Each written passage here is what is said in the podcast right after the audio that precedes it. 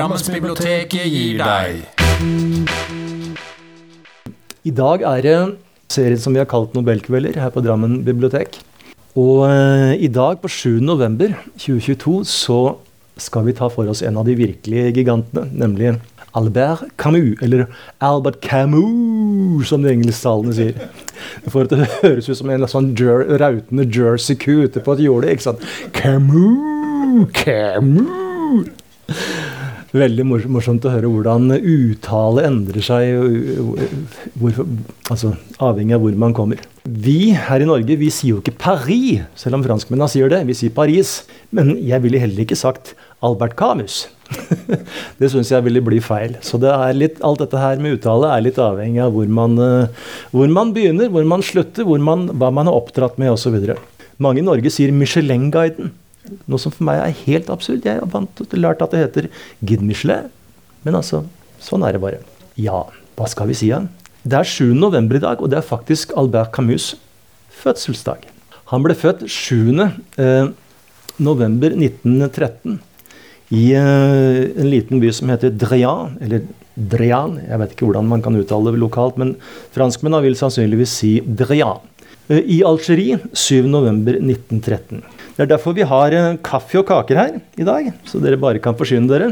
Min gamle eh, komposisjonslærer, engelskemannen Robert Fripp, han pleide å si at Me and a book is a party. Me and a book and a cup of coffee is an orgy. Og det er det faktisk litt sant i. Meg, ei bok og jeg, det er, det er en fest. Men ei bok og jeg og en kopp kaffe, det er en orgie. Og det er veldig flott sagt. Fordi bøker er fest. Det er det det skal være. Det kan være alvorlig. Det kan være sprudlende. Alle nyanser av løgn og, og sannhet er, er, lov. Men øh, det må være en grunn til å lese det. Og et av mottoene våre, eller mitt motto for å, å sette i gang det her, er jo at jeg, jeg, vil stimulere til leselyst.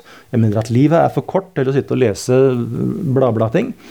Bruk heller tida på noe som har litteratur som har proteiner. Les litteratur med proteiner. Det er mitt soleklare råd til alle, enten de er 12 eller, eller 92 år.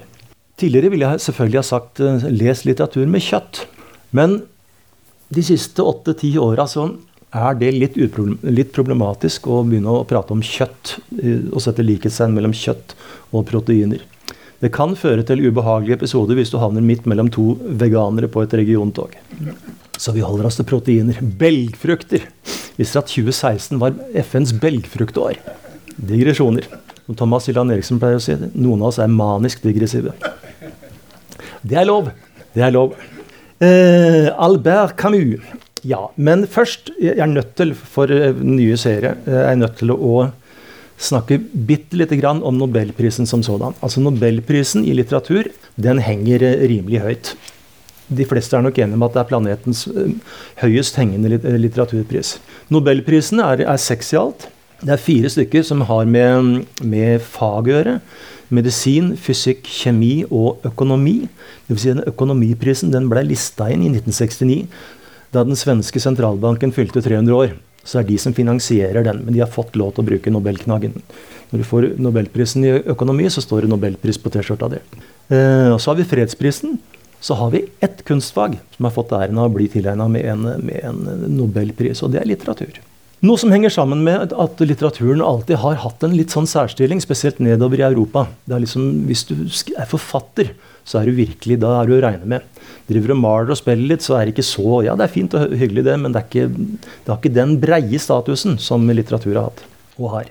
Jeg har bodd i Tyskland i 25 år, så jeg vet litt om hva europeere driver og, og har i, i, tankesekken sin. Også bitte litt om den nasjonsfordelinga. Den ble altså første gang utdelt i 1901. Og Til sammen 119 forfattere har fått prisen. Og det er ikke bare afrikanere og asiater som har fått den, for å si det sånn. Hvis vi ser på nasjonsfordelingen, så er det til sammen forfattere fra, forfattere fra til sammen 39 nasjoner som har fått prisen. Det er tre som utmerker seg. Det er England, Frankrike og Tyskland med 19, 15 og 10. Så er det fire nasjoner som har blitt tildelt eh, prisen um, sju ganger. Sverige, USA, Italia og Spania. Så kommer Polen med fem. Eh, Russland med fire. Og Norge og Danmark med tre. Og så fordeler det seg på to og én. Dette er selvfølgelig sentrert rundt Europa, USA og Canada. Som har stikket av med 105 av 119 priser. En prosentandel på intet mindre enn 88. Dette sier selvfølgelig noe, noe veldig viktig om vilkår, vilkårene for uh, det å kunne skrive litteratur. Det å kunne skrive ordentlig god verdenslitteratur, det krever plass. Det krever ro. Det krever at du har en ordna økonomi, at du kan noenlunde i hvert fall, at du kan uh, brødfø deg sånn uh, med, uten å, altså At du ikke i hvert fall har, lever et liv hvor du bare må tenke på, på neste, neste måltid. Og du må selvfølgelig ha ytringsfrihet. De to tinga. Materiell trygghet og ytringsfrihet. Det gjør at du er i stand til å, å bli en um, forfatter å regne med. Får tid til å utvikle deg, for det tar, tar veldig tid. Tenk på hva som skjer. Altså, Du kan bli olympisk mester i turn når du er 14-15. Olga Korbut, Nadia Komanec, de her 70-tallsdronningene. Ludmila Toritsjeva. Altså, hva, hvor gamle var de da de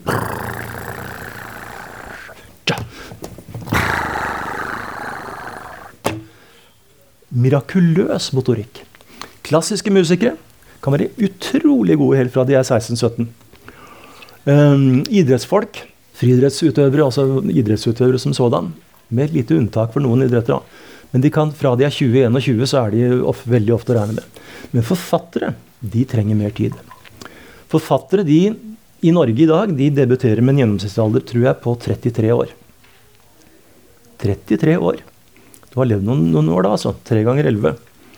Det er um, For det krever Det å bli forfatter det krever et, et visst refleksjonsnivå. Opp, de, de tinga du har opplevd, må du være i stand til å kverne gjennom et sånt refleksivt organ som gjør at du kommer ut med i form av en kondensert erfaring på den andre sida. Hvis du ikke har det, så ja, du kan selvfølgelig skrive røverhistorier, underholdningslitteratur. Det kan du gjøre ganske tidlig. Så er det unntak, selvfølgelig. Noen bråmodne mennesker. Men uh, stort sett så, så kreves det litt, uh, det kreves litt modenhet å, en, å, å, begynne å bli forfatter. Og mange skriver jo sine beste bøker når de har, liksom har runda hvert fall ja, 45-50.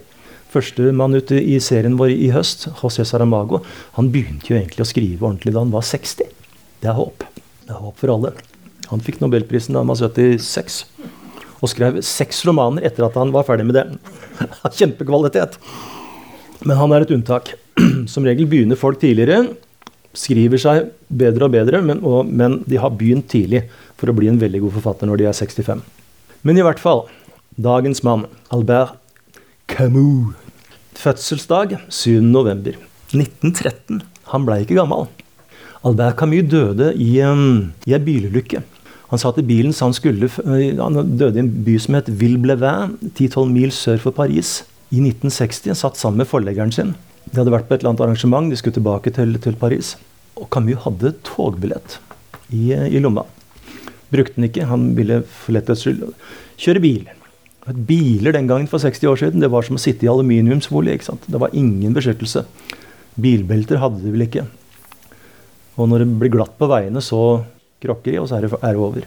Så selv tyskere, som er så trygghetssøkende mennesker, de, de, skjønner ikke hva det vil si å kjøre bil på, på snø og is. Jeg har bodd som sagt der nede i 25 år, og de, de, de kan ikke det der. Jeg har en historie, personlig historie fra den andre enden av Albert Camus' liv, nemlig øh, dødsdagen. På 80-tallet så øh, studerte jeg musikk første halvdel. Og jeg satt med, begynte også å skrive musikkjournalistikk for avisa Fremtiden. Da satt jeg oppe i Jeg hadde ikke skrivemaskin hjemme, så jeg satt oppe i lokalene deres på Åsia.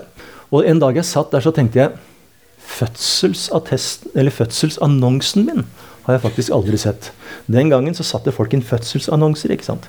Gutt, eh, Per og Kari. Pike, Kjell og Helge. ikke sant? Kjell og Helge. Det var tidlig ute. Det var Kari og Helge osv. Så videre. så, øh, men jeg gikk ned i, i arkivet, fordi arkivet var åpent i fremtiden. Da kunne man gå ned sant, og hente ut opplysninger. Så jeg gikk ned der, og så sjekka jeg Jeg er født 50.1.1960, så jeg gikk ned og sjekka avisen. Tenkte jeg skulle ta ut 6. og 7. januar for å se om jeg fant min fødselsannonse da.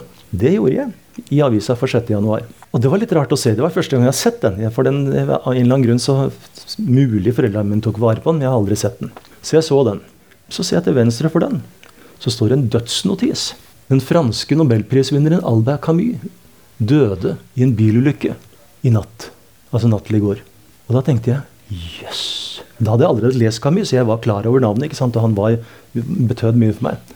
Så da ser jeg liksom på, med en atskilt av en sånn tynn tynn linje med, med en spaltemillimeter, så står det altså begynnelsen på et liv og slutten på et liv.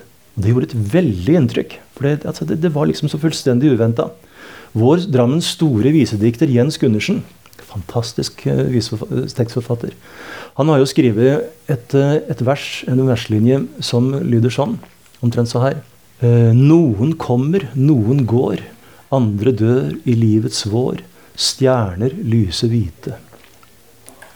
Vidunderlig liten, enkel tekst som sier så mye om, om, hva vi driver med.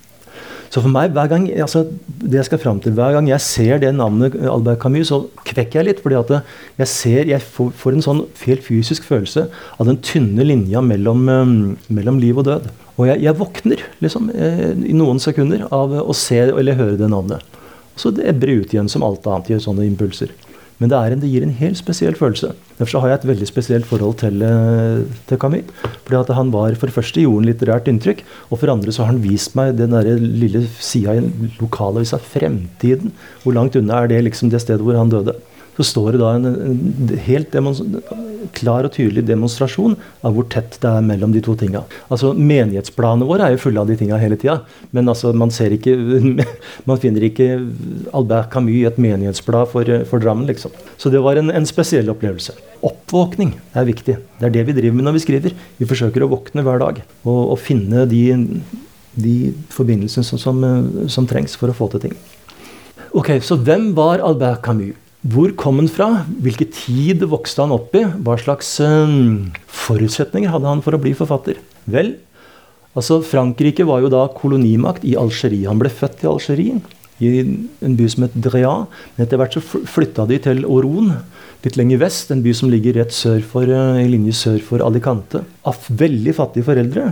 Men han kom seg etter hvert inn liksom gjennom skolegang, videregående skole, kom inn på universitet fikk tuberkulose, men klarte å, å virkelig få klamra seg til en, en utdannelse det, de, under de forutsetningene som var.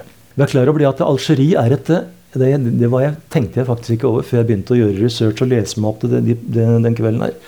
Algerie er et enormt stort land. Jeg vet ikke om dere visste det, men, men Algerie er faktisk verdens tiende største land i forhold til flateinnhold. Og det skyldes jo selvfølgelig den enorme biten den, ikke sant? Det går jo sånn. dette er jo Afrikanske grenser er jo tegna av koloniherrer. Så dette her går jo langt strekker seg ned i Sahara. Og det, det, er et uh, virkelig stort land. altså Selvfølgelig du har Russland, uh, Canada, USA, Kina, de fire største. Men også Brasil, Australia er veldig store. Og så har du India, Argentina, Kasakhstan. Og så kommer Algerie på tiendeplass. Grønland, som vi alle tror er så kjempesvært, det er først på nummer tolv. Men det skyldes det, det enkle faktum at når man skal brette ut en sånn kuleprojeksjon så på sånt, eh, en sånn plansje, så blir ytter, altså oversida og undersida uforholdsmessig store. Så vi har blitt bløffet i alle år med, med, med hva angår størrelsen på Grønland. Nansens skitur er ikke noe skryt. Nei da, men i hvert fall eh, Algerie det, var, det er en fryktelig historie, sånn som mange andre afrikanske land. De var kolonisert i, altså helt tilbake fra 1200-tallet. har det drivet og folk reiste fram og tilbake der. Franskmennene kom inn i 1847 og var der fram til 1962.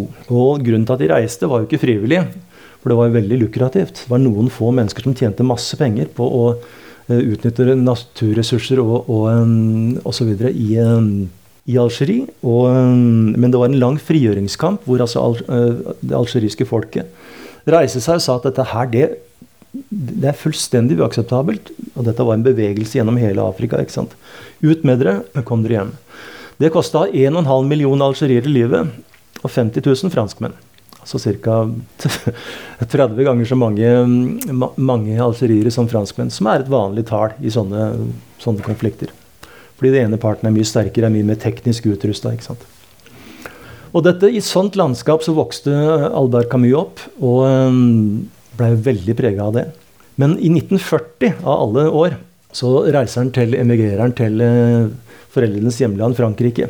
Nå kan man selvfølgelig si at Det var kanskje ikke det smarteste året å dra til Frankrike på. For da kom eh, krigsmaskineriet til tyskerne rullende inn ikke sant, og, og gjorde livet meget ubehagelig der. Men det var nå det som skjedde. Og her begynte han å skrive på eh, debutromanen sin som heter eh, 'Den fremmede', 'L'étranger' som kom i 1942. Og eh, den ble jo en kjempesuksess. Tenk hva slags eh, utgangspunkt de, her, de forfatterne som, som, var liksom 30 år i 19, under krigen hva slags, hva slags, århundre var det de var født inn i? Altså Det var jo et, en brutalitet og en krigsånd, ikke sant? en aggresjon. Et konfliktnivå som var helt, eh, helt unikt. Første verdenskrig, et slakteri av dimensjoner. Så kom den russiske revolusjonen, som jo mange i Vesten faktisk, altså arbeiderklassen, følte jo at dette var en håpsdimensjon.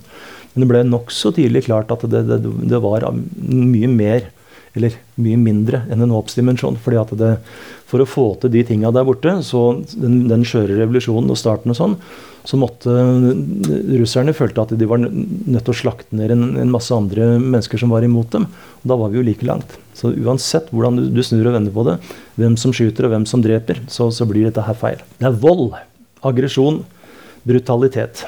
Så kom andre verdenskrig. Med, alle vet hva det var for noe. Kanskje, var, kanskje det, var det ikke mer brutalt enn, enn det var før, men det var, det var, så godt dokumentert, og det ble så globalt. Tidligere var konflikter regionale, nå ble de globale.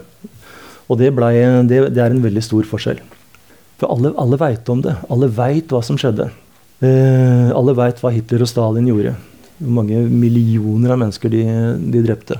Hva japanerne gjorde der borte i, i Asia. Kina. Forferdelig. Men i hvert fall Albert Camus i denne, denne smeltedigelen av vold og krig, men også håp og vitenskapelige framskritt og samfunnsmessige nyvinninger så kommer da denne her eh, karen fram i en alder av 29 år. 1942. Han eh, Altså, Albert Camus fikk nobelprisen i 1957. Han skrev tre romaner. Hvordan er det mulig? Jo, han skrev selvfølgelig mye annet i tillegg. Han skrev skuespill, han skrev dikt og kortprosa, han skrev artikler. Men han var også han var filosof, Camus.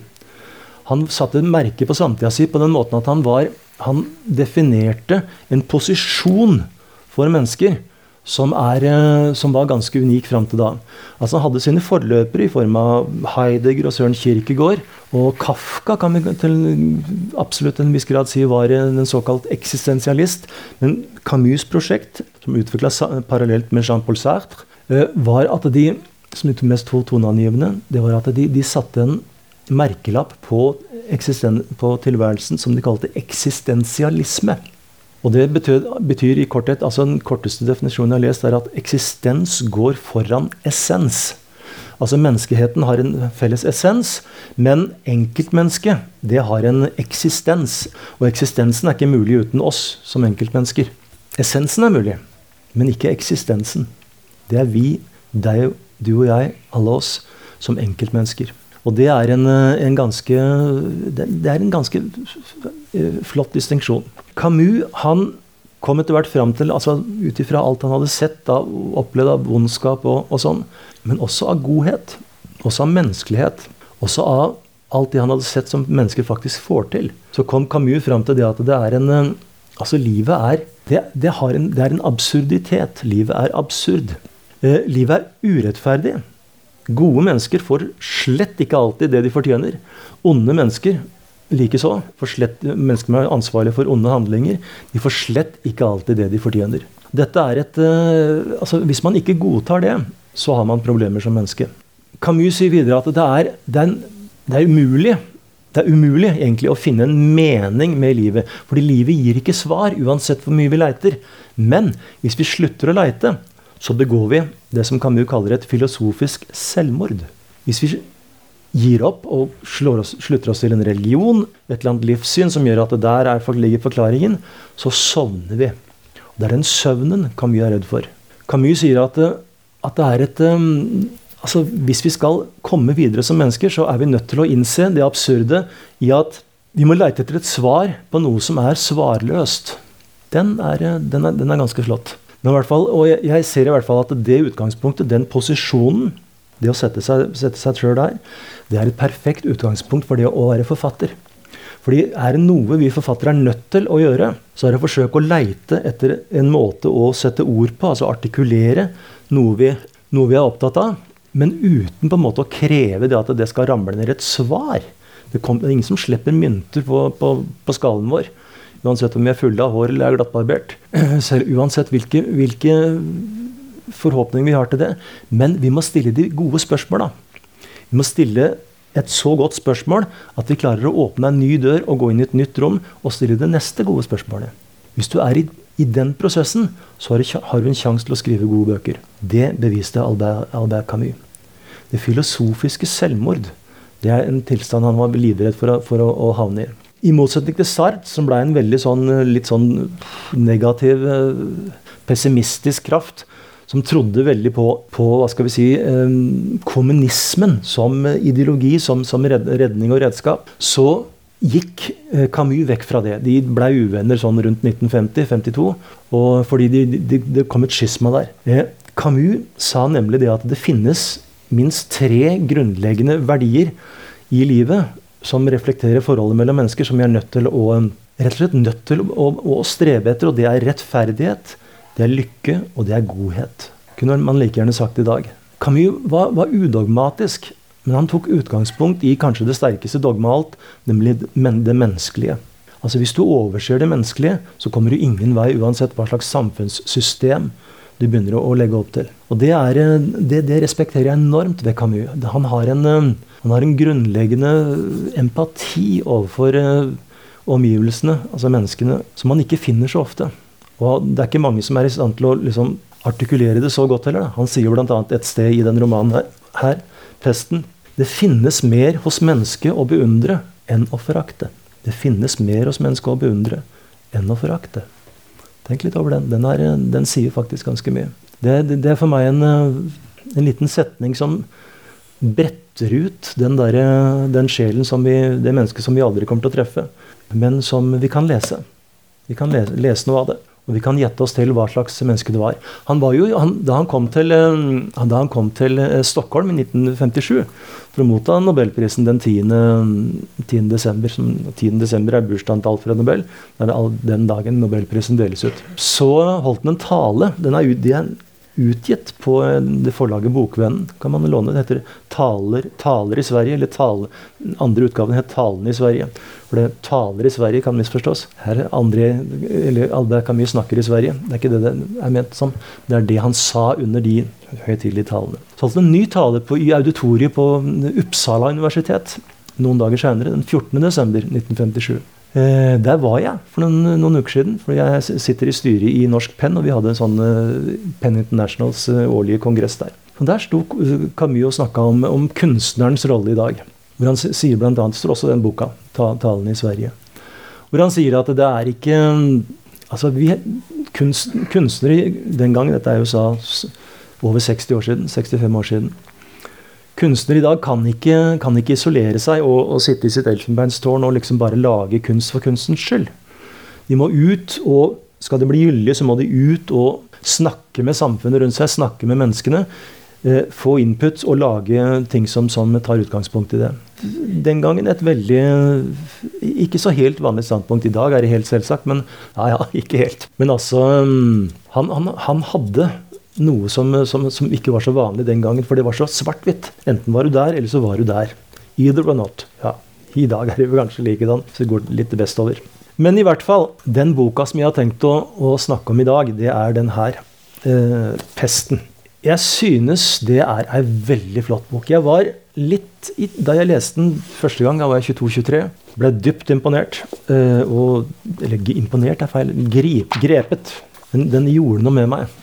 Fordi det, det, som skjer i boka, er at det er en serie med altså det, det, en, det bryter ut en pest i den algeriske byen Oran, som i dag har ca. 700 000 innbyggere. Og denne, denne pesten, den, den, den viser altså Resultatene og konsekvensene viser Camus ved å, å, peke, også, å vise oss ulike altså veldig ulike arketyper, veldig ulike mennesker som går rundt i, i byen og, og har forskjellige yrker. Noen er leger, andre er handelsfolk, andre er rett og slett bare pensjonister. Noen andre ja, de driver med alt mulig rart. Ikke minst presten. Prest og prest. det er nesten veldig. Men da jeg, da jeg leste den nå, så, så, begynte jeg å tenke yeah, Er dette her så jævlig bra, egentlig? Altså, De første 60-70 sidene så tenkte jeg Det ble litt sånn stivt. Jeg syns Camus var altså litt sånn overfladisk i beskrivelsen av personene sine. Jeg syns han kom, ikke kom liksom innpå dem. Jeg savna en intimitet, en nærhet, som gjorde at jeg fikk at menneskene og karakterene åpna seg. Da begynte jeg selvfølgelig å se for meg overskriften i, i avisene. Drammen bibliotek gir Albert Camus terningkast tre.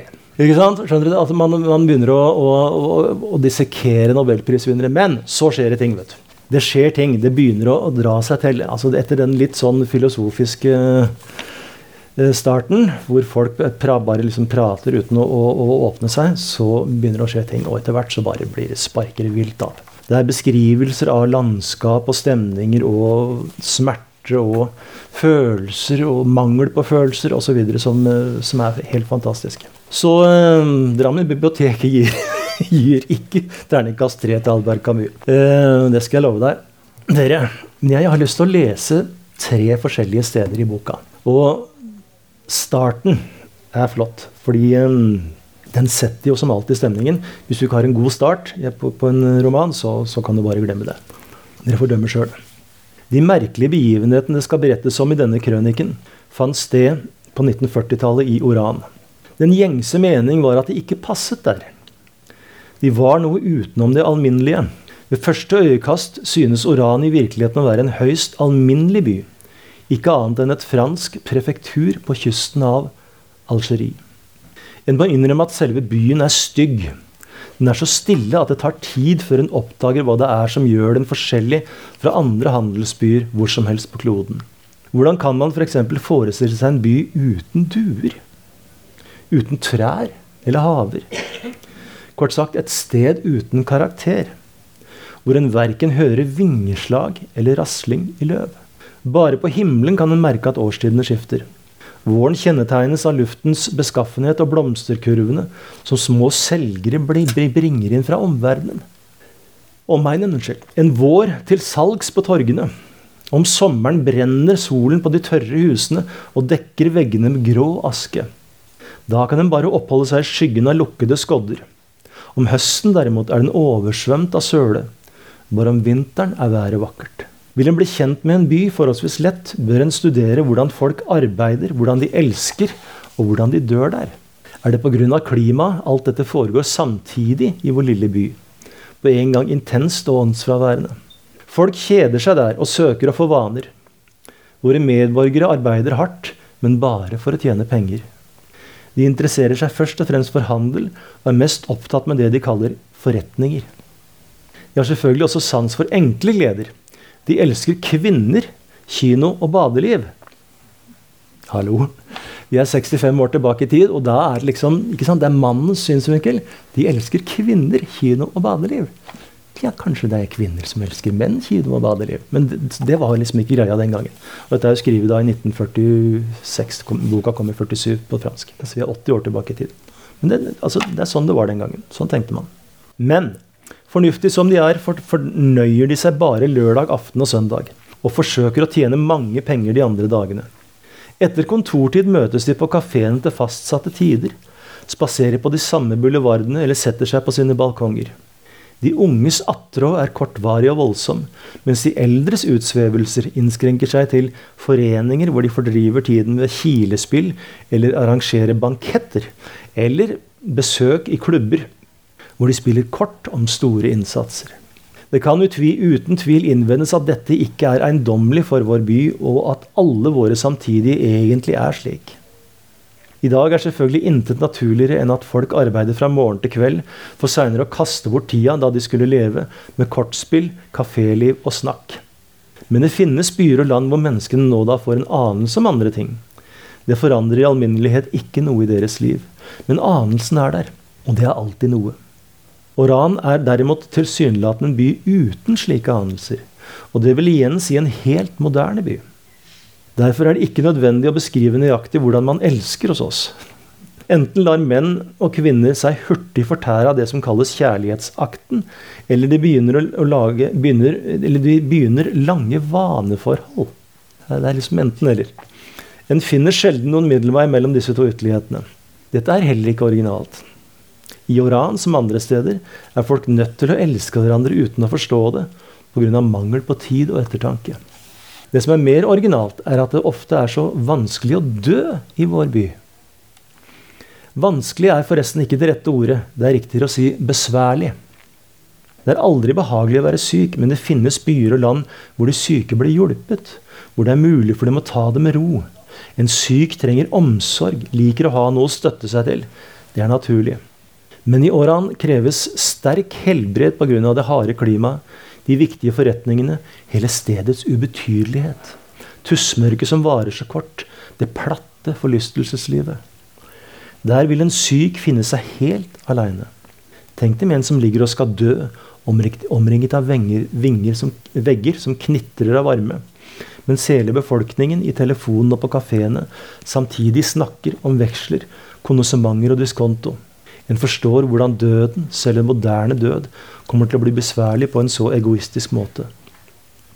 Disse få antydninger gir kanskje et godt nok bilde av vår by. En bør forresten aldri overdrive. Det som må understrekes, er det banale ved byen og livet der. Men så snart en har fått vaner, går dagene lett, og ettersom vår by nettopp oppmuntret til vaner, kan en si at alt er til det beste. Sett fra dette synspunkt er tilværelsen uten tvil ikke særlig spennende. Men hos oss kjenner vi i hvert fall ikke til uorden. Og vår åpne, sympatiske og handledyktige befolkning har alltid vakt en viss aktelse hos tilreisende. Denne alminnelige byen, uten vegetasjon og uten sjel, forekommer en til slutt så fredelig at en faller i søvn der.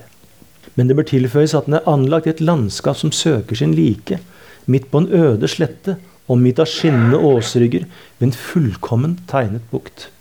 Man kan bare beklage at byen vender ryggen mot denne bukten, og at det derfor er umulig å se havet uten at den går og søker etter det. Hopper jeg lite grann. Her begynner det, de første tegnene. Hovedpersonen er altså legen Bernard Rieu. Doktor Rieu. Samme aften, da Bernard Rieu nede i korridoren søkte etter nøklene før han gikk opp til sin leilighet, så han en stor rotte med fuktig pels komme vaklende ut fra mørket. Dyret stanset, syntes å gjenvinne likevekten, kom mot legen, stanset igjen, dreide seg rundt og falt med et lite skrik mens blodet strømmet ut fra den halvåpne munnen. Legen så en stund på den og gikk opp til sin leilighet. Han tenkte ikke på rotta. Blodet som pipla ut, minte ham om noe annet. Hans hustru hadde vært syk i et år og skulle den følgende dag reise til et sted oppe i fjellene. Da han kom, lå hun og hvilte i soveværelset, slik som han hadde bedt henne gjøre, for at hun bedre kunne greie reisens strabaser. Hun smilte. Jeg har det godt, sa hun. Legen betraktet ansiktet som var vendt mot ham i lyset fra nattbordlampa. Ansiktet forekom fremdeles riø ungt, til tross for de 30 år og sykdommens herjinger. Det var kanskje pga. smilet som fikk henne til å glemme alt annet. Sov hvis du kan, sa han. Pleiersken kommer klokka elleve, og jeg skal kjøre dere til toget som går klokka tolv. Han kyssa panna, som var litt fuktig. Smilet fulgte ham til døren. Den følgende dag, den 17. april klokken åtte om morgenen, stanset portneren legen som var på vei ut, og anklaget ondsinnede spøkefugler for å ha lagt tre døde rotter midt i korridoren. De var sikkert blitt fanget i store feller, for de var dekka med blod. Portneren hadde stått en stund på gatetrappa og holdt rottene til beina, i håp om at de skyldige skulle røpe seg med en eller annen sarkastisk bemerkning. Men intet hadde hendt. Jeg skal nok få tak i dem til slutt, sa monsieur Michel. Doktor Jø ble interessert. Han besluttet å begynne sin runde i de ytre bydeler hvor de fattigste av hans pasienter bodde. Der ble avfallet fjernet meget seinere, og bilen som rullet bortover de rette og støvete veiene, streifet søppelkassene som sto langs fortauskanten. Legen talte et dusin rotter som var kasta oppå grønnsaksavfall og skitne filler. Så begynner ting ikke sant, å, spisse seg til det. Er et eller annet som ikke stemmer med de her rottene. Hvorfor, hvorfor rotter? Hvorfor døde rotter? Og så begynner pesten. Stadig flere mennesker får det. Det myndighetene da gjør i romanen, er oss, som kineserne gjør i dag, de, eh, de stenger av byen. De isolerer den. Ingen får lov å komme inn, ingen får lov å dra ut. Bortsett selvfølgelig fra helt spesielle transporter med, med, forsyninger. Og Her inne danner det seg etter hvert en trykkoker. ikke sant? Folk blir mer og mer desperate. Alle er redde for å få pesten. Men alle er samtidig liksom De kommer ut av seg sjøl. De mister på en måte kontakt med tida. De mister kontakt med, med, med framtida. De mister kontakt etter hvert også med fortida si. Og det eneste blir et sånt brennende nå, hvor de liksom ligger der omtrent som spedbarn som ikke har noe, noe annet enn en rein tilstedeværelse og, og essens. Ikke sant? Et spedbarn har ennå ikke fått liksom, personligheten, blitt klar over sin egen personlighet. Det tar tid. Og det, Sånn havner de folka de havner tilbake på et sånt tidlig stadium hvor at det, alt er liksom helt um, prisgitt her og nå. Hopper jeg side 241, hvor at Camus beskriver julefeiring under pesten. Det året ble jula altså Det begynner i april, og nå har vi gått åtte måneder. Fortsatt ikke Ja, det er noe tegn til forbedring, ikke mye. Det året ble jula mer enn en, mer enn helvetes enn en evangeliets fest. De tomme og mørke butikkene med erstatningsvarer eller tomme esker i vinduene, trikkene som var fulle av bekymrede ansikter. Intet minte om julen slik den var før. På disse helligdagene da tidligere alle, fattige og rike, hadde funnet hverandre, var det nå bare anledning til å oppnå enkelte goder som de privilegerte uten skam hadde skaffet seg til uhyrlige priser i et eller annet skittent bakværelse innenfor en butikk, og som de nøt i, i hemmelighet. Kirkene fyltes mer av klager enn av takksigelser. Enkelte barn sprang ennå omkring i den triste, kalde byen, uvitende om det som, som truet dem. Men ingen våget å snakke til dem om tidligere tiders Gud, gammel som menneskes smerte, men ung som et nytt håp, den Gud som kom til dem belesset med gaver. Ikke i noe hjerte var det plass for annet enn et meget gammelt og meget tungsindig håp. Det som hindrer mennesken fra å søke døden, og som ikke er annet enn en halstarrig vilje til å leve. Det vil jeg skyte inn at det er en veldig flott beskrevet karakter, en prest, inni her, som heter et eller annet på M. Montou eller noe sånt. Montou. Denne karakteren klarer Camus på en måte å nettopp øh, vise fram som eksempel på det jeg innledningsvis snakka om, det filosofiske selvmord. Altså Hvis du tror du har funnet svaret, så har du ikke det. Men du, du, den innbillingens kraft, den er veldig sterk. Og dette, akkurat dette her er jo nettopp det som, eh, som vi mennesker har blitt plaga med opp gjennom århundrene. ikke sant? At det er noen mennesker som har et svar. Og det svaret, det på en måte det forlanger de at uh, i større eller mindre grad at vi andre skal, skal, slutte oss til. Og hvis vi ikke gjør det, så har du en konflikt i gang.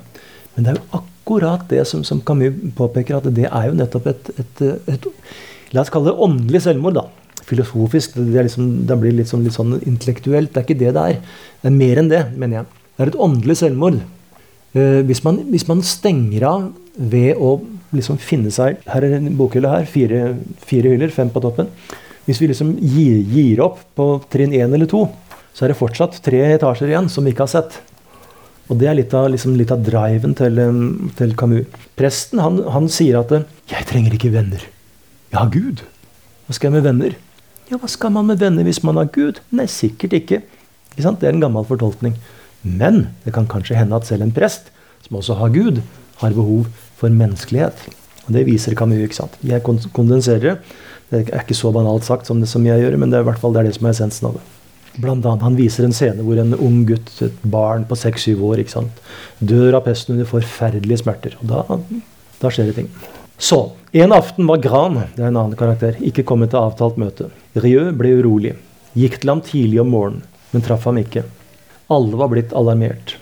Omkring klokka elleve kom Rambert til hospitalet for å meddele legen at han har sett Gran på avstand. Vandret rundt i gatene med et fullstendig uttrykksløst ansikt. Her er det der eh, at man mister fortid og framtid. Så, så, så, var han kommet bort for ham. Legen og Tarot ja, Nå blir dere kasta på karakterer, men dere får lese det sjøl. Legen og Tarot tok bilen og kjørte for å leite etter ham. Klokka tolv var det iskaldt, og da Rieu gikk ut av bilen, så han Gra et stykke borte. Han sto klint inn mot et utstillingsvindu fylt med simpelt leketøy skåret av tre. Tårer strømmet ustanselig nedover den gamle funksjonærens ansikt. Og disse tårene brakte Rieu ut av fatning. Fordi han forsto dem, og fordi han selv hadde gråten i halsen. Han mintes også den ulykkeliges forlovelse foran en juleutstilling og Jeanne som snudde seg mot ham for å si at hun var glad. Det var ikke tvil om at Jeannes lyse stemme lød for Cran som den gang for mange år siden, da dumheten ble begått. Rieu visste hva den gamle, gråtende mannen tenkte i det øyeblikket, og tenkte som Cran at en verden uten kjærlighet er en død verden. Og at det alltid kommer en tid da en er trett av fengsler, arbeid og mot, og lengter etter et levende vesens ansikt og et hjerte som strømmer over av ømhet. Altså det enkleste i verden, men samtidig det mest, det mest fyldige, fyllestgjørende. Gran så ham i vindusruten. Uten å holde opp å gråte snudde han seg og lente seg mot vinduet da han så legen nærme seg. Doktor, åh, doktor, sa han. Rieu kunne ikke få fram et ord, men nikket for å vise at han forsto. Han følte seg den samme fortvilelsen, og det som fikk hans hjerte til å snøre seg sammen i øyeblikket, var den voldsomme vrede et menneske føler overfor en smerte som alle må dele. Ja, Grand, sa Rieu.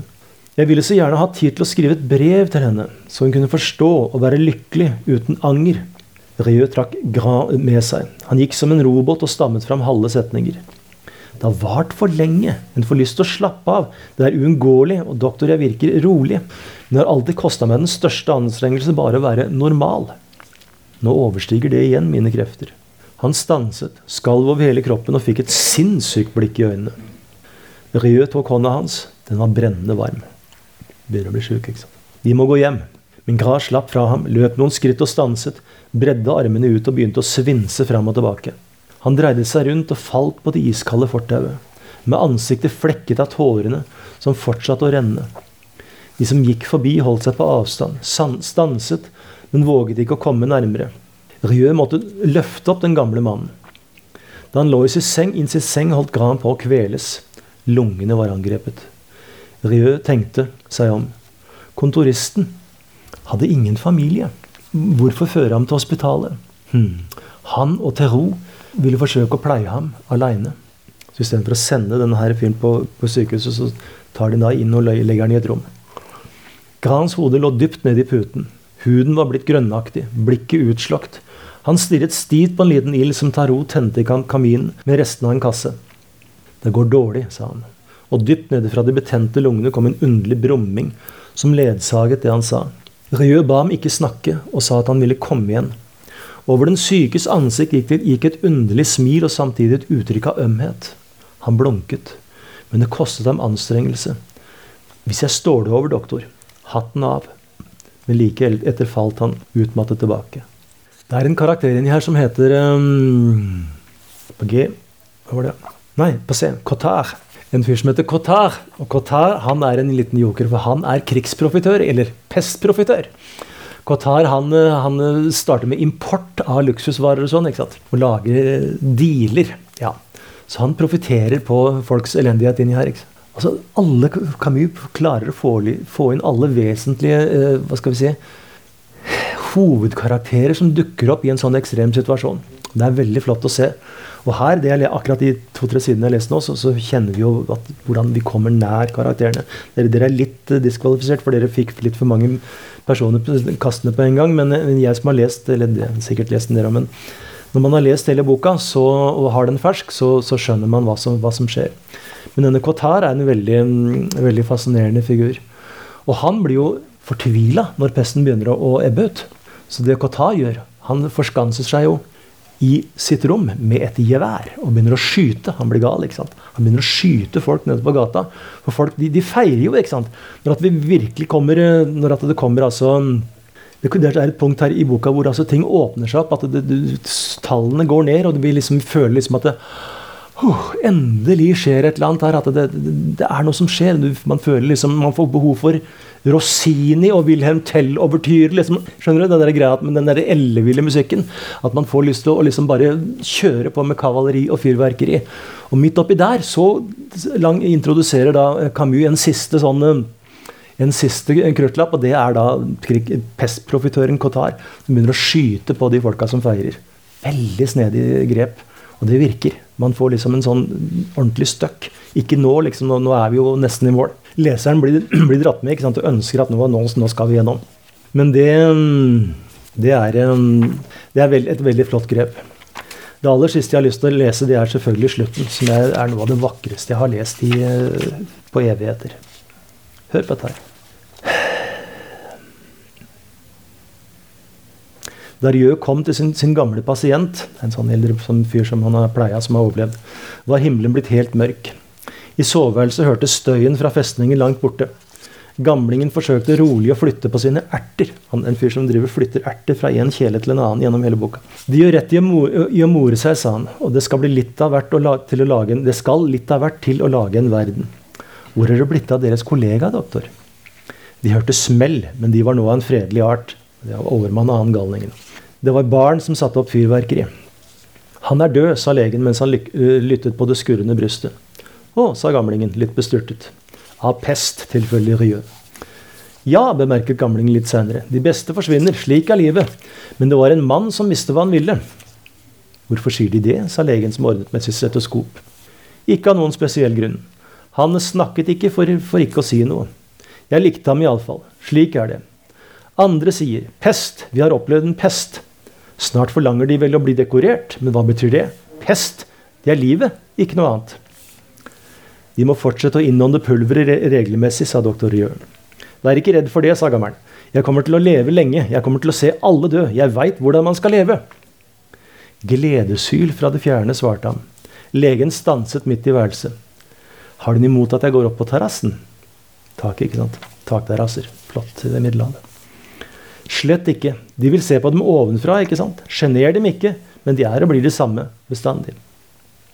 Rieu gikk mot trappen. Gamlingen. Si meg, doktor, er det sant at de vil reise et monument over dem som er døde av pesten? Ja, sa Rieu, det har stått i avisen. En minnestøtte eller en tavle. Jeg visste det, sa gamling. Og det, og det blir taler. Gamlingen lo så han holdt på å kveles. Jeg kan høre dem. Våre døde. Ikke sant? Så går de og spiser. Rieu gikk opp trappa. Den kalde himmelhvelvingen funklet over husene, og i nærheten av åsene var stjernene harde som flint.